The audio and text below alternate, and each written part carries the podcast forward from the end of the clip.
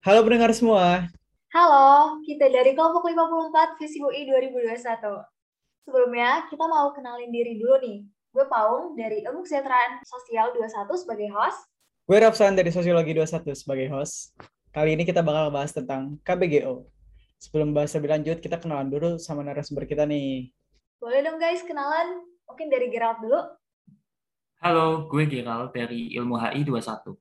Hai guys, gue Rarel dari Kriminologi 21. Hai semua, gue Naya dari Komunikasi 21. Halo, gue Loris dari Sosiologi 21. Hai, aku Salma dari Komunikasi 21. Hai semuanya, gue Windy dari Kriminologi 21. Oke, kita kan udah kenalan nih sama narasumbernya. Sebelumnya lu udah tahu belum, Ung, apa itu KBGO? Wah, apaan tuh, San? Nah, buat lo yang penasaran, kita lanjut ke narasumber aja kali ya. Salma, menurut lo KBGO itu apa sih? Oke, okay, thanks buat uh, Pauna Rafsan. Jadi sebelum aku jelasin lebih lanjut nih ya tentang masalah sexual harassment atau kekerasan seksual, ini emang harus banget jadi concern bagi kita semua. Terutama yang kerap terjadi masa pandemi ini nih, yaitu KBGO atau generasi berbasis gender online. Karena di masa pandemi ini, apa-apa tuh pasti menggunakan media online. Jadi seiring pesatnya perkembangan teknologi, yang namanya kekerasan seksual itu udah nggak hanya terjadi di dunia nyata aja, tetapi juga di dunia maya, secara online, yakni KBGO tadi. Hmm, coba deh ya kita lihat sebagai contoh, mungkin nih di akun-akun media sosial yang kita tahu, ini kan sering terdapat nih komentar-komentar miring atau julid netizen yang malah melecehkan si pemilik akun berdasarkan gendernya. Nah, KBGO atau kekerasan berbasis gender online ini adalah kekerasan berbasis gender yang difasilitasi teknologi. Sama seperti kekerasan berbasis gender lainnya di dunia nyata, jadi tindak kekerasannya itu memiliki niatan dan maksud melecehkan korban berdasarkan gender atau seksual e, dari korban tersebut. Jadi KBGO ini semacam ekstensi atau perpanjangan nih dari kekerasan seksual di ranah offline atau dunia nyata. Itu Oh gitu ya. Jadi KBGO itu bisa disebut sebagai bentuk kekerasan yang timbul akibat dari konsekuensi globalisasi dan kemajuan teknologi ya. Hmm, tapi gue mau nanya deh, apakah KBGO ini cuma dialami perempuan aja atau bisa juga dialami laki-laki? Nah iya, gue juga penasaran tuh. Gimana nih Sal menurut lo? Oke, jadi KBGO ini bisa terjadi pada laki-laki maupun wanita. Namun memang nih KBGO ini nih lebih banyak dialami oleh kaum hawanya. Pelaku KBGO ini nih biasanya menyerang atau melecehkan korban terkait tubuh atau seksualitasnya melalui ranah online atau dunia maya.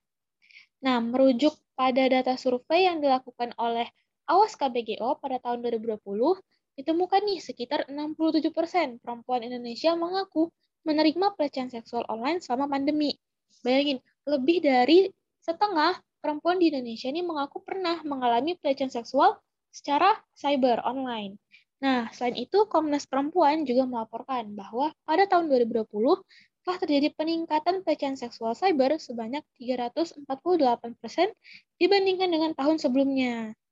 Oh, ternyata begitu, Ung. Cowok bisa kena KBGO juga. Nah, ngomong-ngomong tentang KBGO, lo tahu nggak sih soal isu hegemonika yang lagi rame diomongin sama anak fisip? Gue tahu tuh, cuma belum pernah dengar lebih lanjut sih. Kayaknya Naya bisa ngejelasin nih. Wah, boleh banget tuh. Coba Nay, tolong jelasin. Oke, jadi hegemonika atau yang biasa dipanggil momon ini adalah karakter fiksi yang disuarakan dalam campaign sexual harassment PSK Visip tahun ini. Dalam campaign ini diceritakan kalau Momon merupakan seorang remaja perempuan yang baru keterima di ilmu komunikasi UI. Dia digambarkan sebagai orang yang priang, tapi nggak terlalu terbuka gitu sama orang-orang. Nah, Momon ini punya cowok namanya Gofar. Di suatu ketika, si Gofar ini mulai keluar batas nih, minta tukeran pap gitu otomatis hegemonika nolak dong. Tapi Gofar kekeh banget bilang gak akan nyebar, cuman buat konsumsi pribadi aja. Akhirnya dikasih tuh sama Momon. Eh malah langsung disebar ke media sosial sama si Gofar. Langsung viral dong tuh di mana-mana. Singkat cerita, kasus hegemonika barusan ini termasuk ke dalam sexual harassment di mana Momon ini sebagai korbannya. Kepercayaan Monika yang terlalu besar terhadap Gofar melalui media daring menciptakan ruang terjadinya sexual harassment atau kekerasan seksual Gitu teman-teman, kurang lebihnya tentang cerita si isu hegemonika ini. Oh, jadi gitu cerita lengkap tentang hegemonika. Pantes ya rame diomongin. Nah, kan kita udah tahu nih soal si hegemonika. Coba deh, gue pengen tahu pendapat narasumber kita. Coba dari Giral dulu deh. Hmm, kalau menurut gue, kampus seharusnya memiliki hak dan tanggung jawab dalam hal ini. Karena kampus sebagai lembaga pendidikan formal sekaligus penanggung jawab mahasiswanya, sejatinya dapat mengusahakan untuk menjamin keamanan dan kesejahteraan mahasiswanya, terutama dalam mengungkapkan ekspresi dan minat bakat mereka. Meskipun dalam situasi di mana kejahatan berupa online dan dalam situasi pandemi seperti ini, kampus harus bisa menjamin keamanan mahasiswanya, apalagi ketika mahasiswa sedang menjalani kegiatan orientasi mahasiswa baru. Setuju banget sama Gerald. Kampus harus bisa bersikap tegas dan bertanggung jawab dalam menjamin keamanan untuk mahasiswa-mahasiswanya. Kalau menurut Salma gimana nih, Sal? Hmm, aku setuju banget sama Gerald tadi. Jadi dari adanya kasus hegemonika ini harusnya jadi perhatian penuh ya bagi kampus karena kasus pelecehan seksual ini belum menjadi prioritas nih dalam kampus itu sendiri. Banyak kan kita temui kampus-kampus yang memang memiliki wadah untuk berbagai kasus. Namun nggak ada nih wadah yang memang khusus diperuntukkan untuk kasus semacam pelecehan seksual yang dialami oleh hegemonika ini. Sehingga nggak sedikit nih kita dapatin hegemonika-hegemonika lainnya yang takut atau bahkan malu untuk melaporkan tindakan tersebut karena mereka merasa nggak ada nih ruang aman buat mereka bisa menceritakan yang mereka alami. Kampus juga sebagai tempat di mana para mahasiswa banyak nih menghabiskan waktunya, jadi udah harus uh, banget buat bagi kampus ini untuk menganggap serius kasus pelecehan seksual ini. Masuk juga KBGO tadi nih. Gue setuju banget nih sama pendapatnya Salma. Kampus yang benar-benar harus bikin yang namanya ruang aman buat mahasiswa tersendiri. By the way, kalian sadar gak sih kalau isu hegemonika itu sebenarnya banyak terjadi di dunia nyata? Gue mau tahu deh pendapatnya Loris. Gimana, Riz? Pendapat lo? Oke, makasih sebelumnya udah ngasih gue kesempatan buat mungkin ngasih beberapa paparan kenapa alasan hegemonika ini bisa nyata ya. Uh, seperti yang kita tahu kalau cerita hegemonika ini sendiri sebenarnya banyak terjadi di kehidupan nyata kita gitu. Dan sesuai cerita di videonya, kalau kasus ini juga ada yang terjadi di lingkungan fisik beberapa waktu ke belakang. Menurut gue, ada banyak faktor yang membuat kasus ini sendiri terjadi gitu. Misalnya dari segi pelaku itu sendiri. Gue sering bertanya-tanya kenapa pelaku ini tuh bisa ngelakuin hal-hal kayak gini gitu kan. Jadi setelah gue melakukan beberapa research kecil-kecilan, uh, pelaku ini tuh bisa ngelakuin hal tersebut tuh bisa dari punyanya fantasi seksual yang sangat mendukung dirinya untuk ngelakuin pelecehan seksual gitu. Yang mana uh, fantasi tersebut juga bisa timbul dari konsumsi konten pornografi. Selain fantasi seksual tadi, bisa juga karena tumbuh di lingkungan dengan ideologi patriarki yang kuat. Sehingga pelaku ini nih uh, nganggap perempuan ini lebih rendah kedudukannya dan ngerasa punya otoritas atas korban untuk ngelakuin hal-hal kayak gitu. Dan mungkin yang paling relevan dengan kasus dari hegemonika ini sendiri, itu karena pelaku merasa memiliki hak buat melakukan hal itu karena hubungan pacaran mereka itu sendiri yang mana konteksnya tuh udah deket banget. Sehingga si pelakunya ini tuh nggak ragu untuk ngelakuin hal-hal di luar batas normal gitu. Kayak kekerasan seksual yang lagi kita bahas ini. Dan nggak cuma itu aja yang bikin kasus ini nyata, tapi juga reaksi dan tanggapan masyarakat yang bikin kasus hegemonika ini makin nyata Gue lansir dari Indonesia Judicial Research Society yang membagikan hasil surveinya tentang kenapa kekerasan seksual bisa terjadi. Gue nggak ngelihat ada satu persen pun yang nyalahin pelaku gitu. Mereka cenderung menyalahi korban dan menganggap bahwa kekerasan seksual ini bisa terjadi karena perilaku dan pilihan hidup korban itu sendiri gitu. Hasil hasil survei ini tuh sangat sesuai banget gitu sama gambaran mengenai tanggapan dan reaksi beberapa akun yang berkomentar di live Instagramnya Hegemonika gitu mereka malah melakukan cyberbullying yang konteksnya juga termasuk dalam KBGO. Dan dalam lingkup kampus sendiri gitu, eh, kampus juga rawan jadi tempat di mana kekerasan seksual ini masih sering terjadi dalam berbagai macam bentuk. Dan justru dunia pendidikan ini dinilai gitu, jadi cangkang pelindung bagi pelaku, apalagi jika pelaku berasal dari kalangan dosen. Nama baik dan rating yang uh, mereka tanggung ini jadi pertimbangan utama nih bagi akademisi buat nutup rapat kasus-kasus kekerasan seksual di balik pintu gerbang kampus mereka dibanding ngelindungin korban dan ngasih keadilan untuk korban. Gue suka banget sama poin-poin yang tadi disebut Loris, mulai dari fantasi seksual, budaya patriarki, reaksi-reaksi masyarakat yang cenderung victim blaming, sampai kecenderungan kampus yang lebih mementingkan nama baik dibanding perlindungan korban. Karena itu, isu hegemonika jadi nyata banget ya di dunia kampus dan lingkungan masyarakat kita.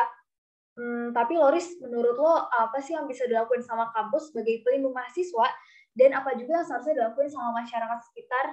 Beberapa tanggapan narasumber tadi tuh bisa ngejawab pertanyaan lu tadi, cuman gue bakal tetap nambahin beberapa aja.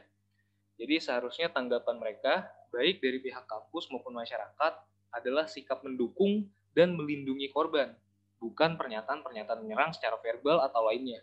Apalagi tutup telinga tentang kasus ini demi rating dan nama baik mereka. Justru ya, mereka sebagai lembaga yang dianggap sebagai miniatur negara ini harusnya bisa membantu dan melindungi korban dan ngasih keadilan untuk korban. Terlepas dari beberapa faktor yang gue jelasin tadi, gimana cerita hegemonika ini sendiri bisa nyata adalah tidak adanya ruang aman bagi para korban kekerasan seksual. Tidak ada ruang aman bagi korban yang berfungsi untuk melindungi mereka, baik secara material maupun imaterial. Tidak ada ruang aman bagi para korban dari para pelaku kekerasan seksual yang terus mengusik dan terus memanfaatin korban.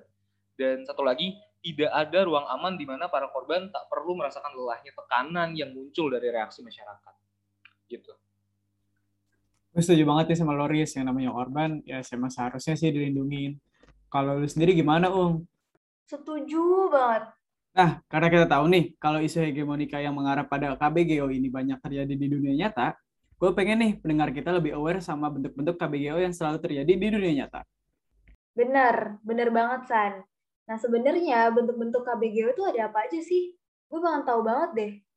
Oke, jadi gini guys, buat bentuk-bentuk kekerasan berbasis gender online sendiri, gue udah pernah baca nih, kalau Komnas Perempuan udah mengklasifikasikannya menjadi beberapa bentuk, yaitu pendekatan untuk memperdaya atau cybergrooming, pelecehan online atau cyber harassment, peretasan atau hacking, konten ilegal, pelanggaran privasi atau infringement of privacy, ancaman distribusi foto atau video pribadi atau malicious distribution, pencemaran nama baik, recruitment online, dan revenge porn. Nah, buat bentuk-bentuk KBGO ini sebenarnya itu aja sih kalau berdasarkan Komnas Perempuan. Wah, ternyata banyak juga ya bentuk-bentuk KBGO itu. Karena bentuk-bentuknya ada banyak, berarti ada banyak juga nih tipe pendekatannya. Bener nggak sih, Win? Bener banget tuh, San. Jadi, gue udah pernah nemuin nih, kalau tipe-tipe KBGO itu udah dibagi jadi panduan pengenalan modus oleh Southeast Asia Freedom of Expression Network atau SafeNet. Mereka itu bikin pengenalan modus-modus tipe KBGO yang terdiri atas pelanggaran privasi, pengawasan dan pemantauan, perusakan reputasi atau kredibilitas, pelecehan yang dapat disertai dengan pelecehan offline, ancaman dan kekerasan langsung, serta serangan yang ditargetkan ke komunitas tertentu. Nah, dalam pelaporan kasus yang diterima oleh SafeNet ini, ternyata nih guys, ternyata banyak banget kasus yang paling menonjol di masa pandemi ini adalah terkait dengan penyebaran konten intim non konsensual yang sering dikenal dengan revenge porn atau non-consensual dissemination of intimate image. Waduh, serem banget ya berarti. Pasti banyak banget deh dampak yang ditimbulin dari KBGO ini. Hmm, gue pengen tanya deh ke Rel-Rel. Apa aja sih Rel dampak KBGO kalau menurut lo? Nah, dilansir dari safenet.id, ada beberapa dampak yang mungkin bakal dialami oleh para korban atau penyintas KBGO. Yang pertama dan paling pasti adalah kerugian secara psikologis. Karena habis ngalamin hal yang mungkin merugikan dan pasti di luar kendali korban, korban akan merasa depresi, cemas, dan ketakutan. Bahkan mungkin ada beberapa korban yang sampai pada pemikiran atau titik untuk bunuh diri, saking besarnya tekanan yang harus dia hadapi. Yang kedua adalah keterasingan sosial. Para korban atau penyintas akan menarik diri dari kehidupan bermasyarakat atau ruang publik. Bahkan mungkin juga menarik diri dari keluarga dan teman-temannya terutama bagi korban yang mengalami kekerasan dalam bentuk disebarluaskannya foto atau video tanpa persetujuan mereka. Jadi bakal bikin mereka kayak ngerasa bakal akan dipermalukan atau diejek di depan umum. Nah, terus yang ketiga tuh kerugian secara ekonomi. KBGO ini mungkin aja bakal membuat data-data korban tersebar. Akibatnya, korban atau penyintas bisa dipecat atau dikeluarkan dari pekerjaannya karena dianggap bakal membuat jelek nama perusahaan. Kan ini bisa bikin korban jadi kehilangan sumber nafkah ya kan ya. Nah, terus yang keempat adalah mobilitas yang terbatas. Korban atau penyintas bakal kehilangan kemampuan untuk bergerak bebas dan berpartisipasi dalam ruang online ataupun offline karena stigma buruk yang dibentuk oleh masyarakat terhadap korban kekerasan. Nah, terus yang kelima dan terakhir adalah sensor diri. Jadi, karena korban bakal merasa jadi korban lebih lanjut, dan karena kehilangan kepercayaan terhadap keamanan menggunakan sosial media atau teknologi digital, kayak misal menghapus atau menghilang dari internet, dan itu bakal berimplikasi lebih lanjut di luar sensor diri, kayak misalnya putusnya akses informasi dan komunikasi dalam ruang online. Nah, selain dampak yang memungkinkan bakal terjadi pada individu, sebenarnya konsekuensi atau dampak utama dari kekerasan berbasis gender online ini adalah penciptaan ruang atau masyarakat di mana perempuan nggak lagi merasa aman secara online. Bayangin aja, di sosial media yang bahkan nggak bertemu secara fisik, nggak tetap muka, perempuan bisa tetap merasa takut, nggak nyaman, dan nggak aman untuk membagikan sesuatu yang dia mau karena maraknya kasus KBGO ini. Banyak banget kan dampaknya. Oke guys, kan dampak yang ditimbulin dari KBGO ini banyak banget ya. Kalau misalnya hal ini terjadi di lingkungan sekitar kita, menurut kalian nih, hal apa sih yang harus dilakuin untuk menjadi langkah selanjutnya?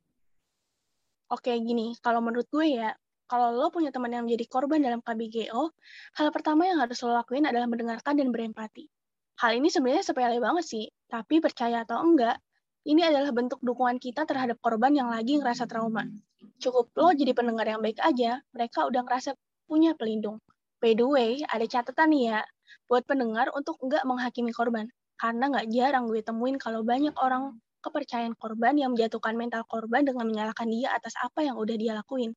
Jadi, alih-alih memberi ruang aman, justru malah menjerumuskan korban ke dalam lubang kehancuran. Jadi gue minta, biarin korban cerita dan meluapkan emosinya terlebih dahulu. Kalau lo nggak bisa ngeluarin kalimat yang baik untuk korban, setidaknya tutup mulut lo biar enggak menyebabkan masalah yang lain buat si korban. Oke, buat yang kedua, uh, menurut gue yaitu dengan menanyakan kebutuhan korban dan menyediakan informasi yang dibutuhin sama korban. Misalnya nih ya, setelah korban cukup tenang, lo bisa nih buat nanyain kebutuhannya, entah itu layanan konseling, pengaduan ke pihak berwajib, atau informasi-informasi lainnya yang dibutuhin sama korban. Tapi ada catatan nih, kalau menurut gue, yang paling tempat lo lakuin adalah buat pengaduan ke Komnas Perempuan atau ke layanan konseling, karena kan masalah ini udah menyangkut ke psikis korban ya. Jadi perlu nih ditanganin ke oleh pihak yang memang ahli. Jadi sebenarnya intinya itu lo cukup aja ada di sisi korban. Itu udah bisa ngebuat korban ngerasa dia masih punya ruang yang aman untuk dia bercerita dan berlindung dari segala ketakutan yang dia alami. Menurut gue itu aja sih yang lo bisa lakuin. Oke, oke, oke. Makasih banget lo Win solusinya. Uh, tadi lebih ke solusi internal gitu kan ya. Gue juga mau tahu deh kalau menurut Gerald, solusi yang mencakup ruang lebih luas itu gimana ya? Oke, kalau solusi secara luas dan formal sendiri dapat diselesaikan dengan tiga cara yang berbeda-beda nih. Satu, kampus bisa memberikan ruang aman bagi mahasiswa agar tercipta ruang yang kondusif untuk semua bentuk aktivitas pendidikan di dalamnya.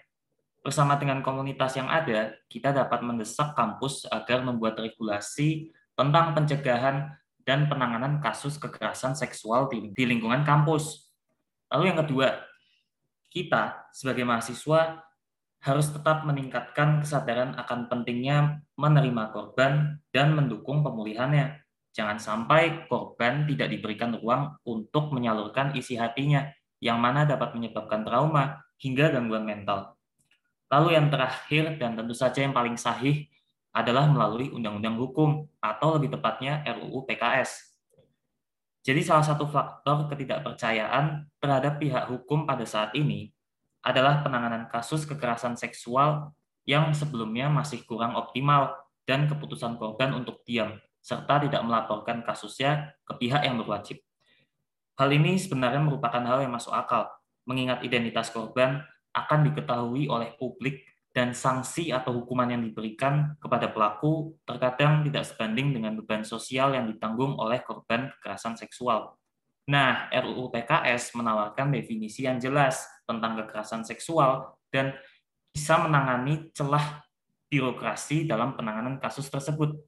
Hal ini disebabkan oleh isi undang-undang tersebut terutama pada pasal 11 ayat pertama yang menyatakan jenis-jenis kekerasan seksual yaitu pelecehan seksual, eksploitasi seksual, dan lain-lain. Dan juga undang-undang ini juga didasari oleh prinsip kesetaraan gender dan hak asasi manusia sehingga kebebasan dan keamanan seseorang dapat lebih terjamin. Oke, ternyata banyak juga ya solusi yang bisa kita lakuin buat ngatasin KBGO ini. Iya, dan gue harap solusi-solusi tadi bisa terrealisasikan buat mengatasi masalah KBGO yang terjadi di sekitar kita dan di Nusantara Raya ini. Iya, Om. Tapi sayang banget nih, kita udah sampai di penghujung acara. Sekarang waktu kita berterima kasih buat para narasumber yang keren habis dan udah nyempetin buat hadir di podcast kita kali ini. Yes, makasih banget semua. By the way, jangan lupa ya buat selalu jaga kesehatan dan stay at home. See you guys. See you. See you guys. Bye-bye.